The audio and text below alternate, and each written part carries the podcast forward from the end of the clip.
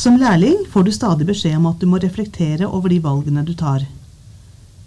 Men hva betyr det egentlig å reflektere? Og hvordan vet du at du reflekterer? Dagens podkast handler nettopp om refleksjon og hvordan man skal få det til.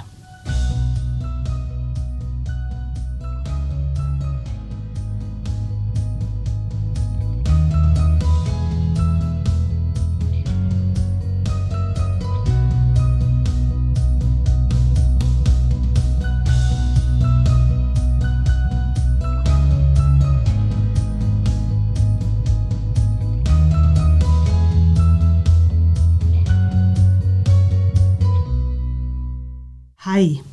Du lytter nå til Lærlingbua, som er en podkast for deg som er lærling i barne- og ungdomsarbeiderfaget her i Oslo. Jeg som snakker nå, heter Hanne Enger Jensen, og som vanlig har jeg med meg kollegaen min, Gro Blomdal. Dagens tema er altså refleksjon, og vi har fått en henvendelse fra en lærling som spør Jeg har levert masse i OLK, men får høre at dette ikke er refleksjon. Hva er en sånn refleksjon?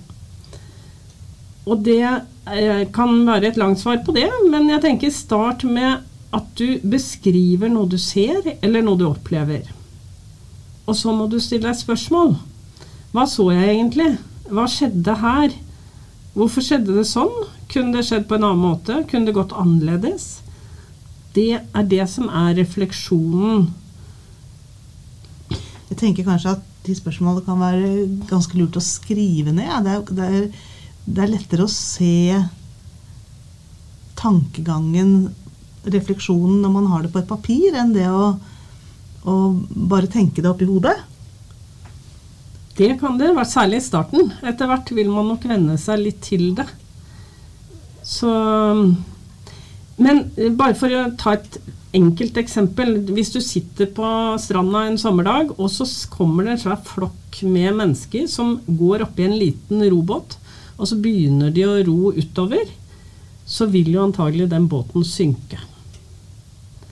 Og hvis du da skal spørre disse spørsmålene, da Hva skjedde her? Jo, båten sank. Hvorfor skjedde det? Det var jo altfor mange oppi. Kunne det gått annerledes? Ja, det kunne det selvfølgelig. De kunne jo latt være å fylle, overfylle båten sånn. Eller kanskje du kunne ha grepet inn. Kanskje du kunne advart dem. Hvis du hadde hatt mulighet til å forutse at det kunne gå sånn. Så kunne det vært unngått? Ja, det kunne det. Og når svaret er ja, så må man følge på med tanker om hvordan det kunne vært unngått.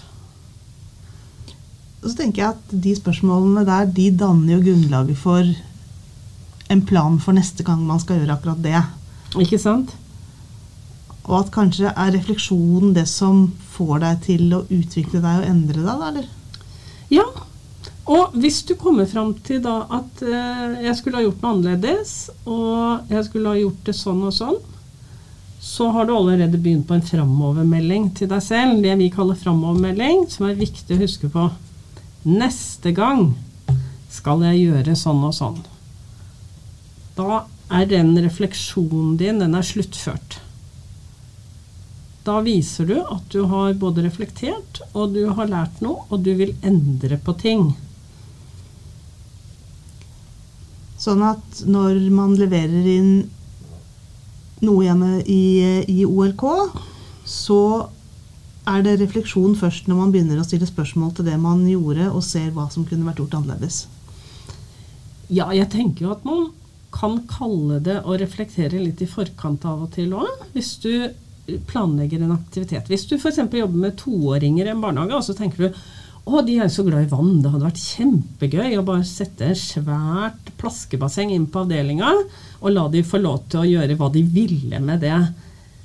Men så begynner du kanskje å tenke litt mer på det, og så ser du for deg hvordan åtte-ti toåringer kommer løpende med klær og hiver seg oppi det vannet. Det blir fullt kaos, det blir sprut, noen sklir på det våte gulvet og slår seg osv. Og så og så planlegger du kanskje ikke den aktiviteten. Da har du reflektert da, men da har du reflektert i forkant. Og samtidig kan jeg tenke at ok, men en varm sommerdag kunne jeg kanskje flyttet det bassenget ut. Og så kunne vi hatt den samme aktiviteten der. Det kan man jo. Mm. Mm.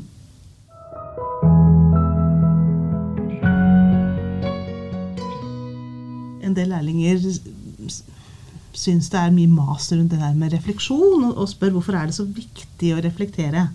Hvorfor må vi alltid det? Og så tenker jeg at det å kunne et fag handler jo først og fremst om refleksjon. Altså som lærling i barne- og ungdomsarbeiderfaget så skal du jo lære det faget som heter barne- og ungdomsarbeiderfaget.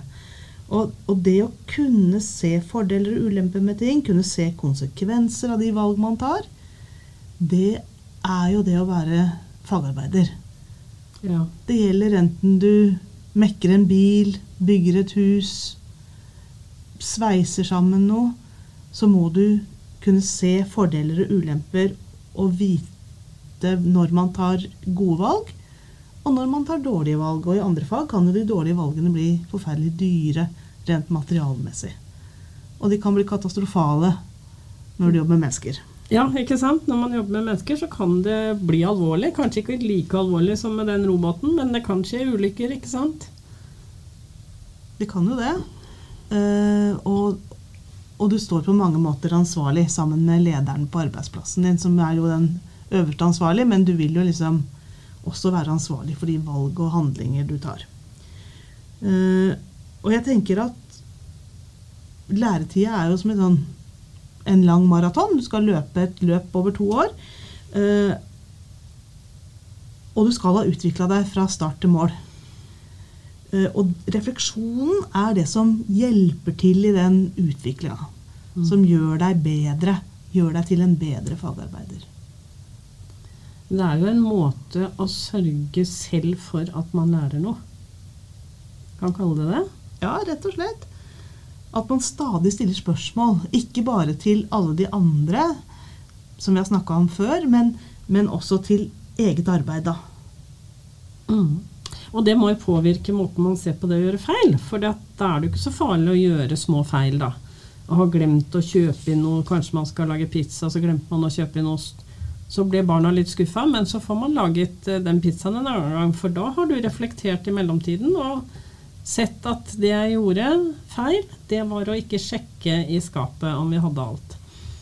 Så neste gang du skal handle, eller lage noe, så passer du på at du har det du trenger, og handler inn ut fra en liste eller det du vet at skal til for å lage en pizza, da, f.eks. Ikke sant? Og da har man lært det. Og det er jo det vi driver med i jobben vår òg, når man jobber med barn og unge. Man skal legge til rette for at de lærer. Og så vet jeg ikke om det er en trøst eller om det er en trussel, men refleksjonen slutter ikke den dagen du har tatt fagbrevet. På mange måter begynner den da. Refleksjon er noe du skal gjøre gjennom hele livet og gjennom hele ditt yrke.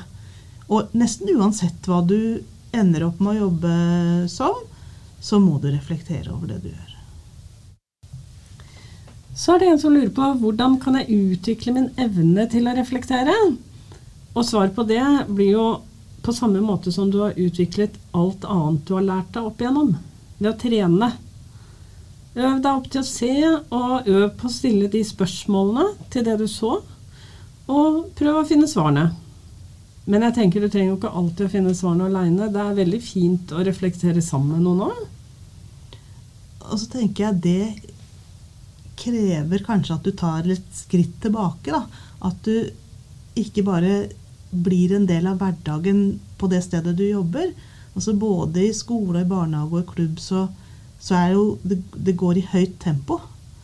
Eh, og at du som lærling må få lov til å ta et skritt tilbake og ha tid til å tenke deg om hva skjedde nå, observere de andre.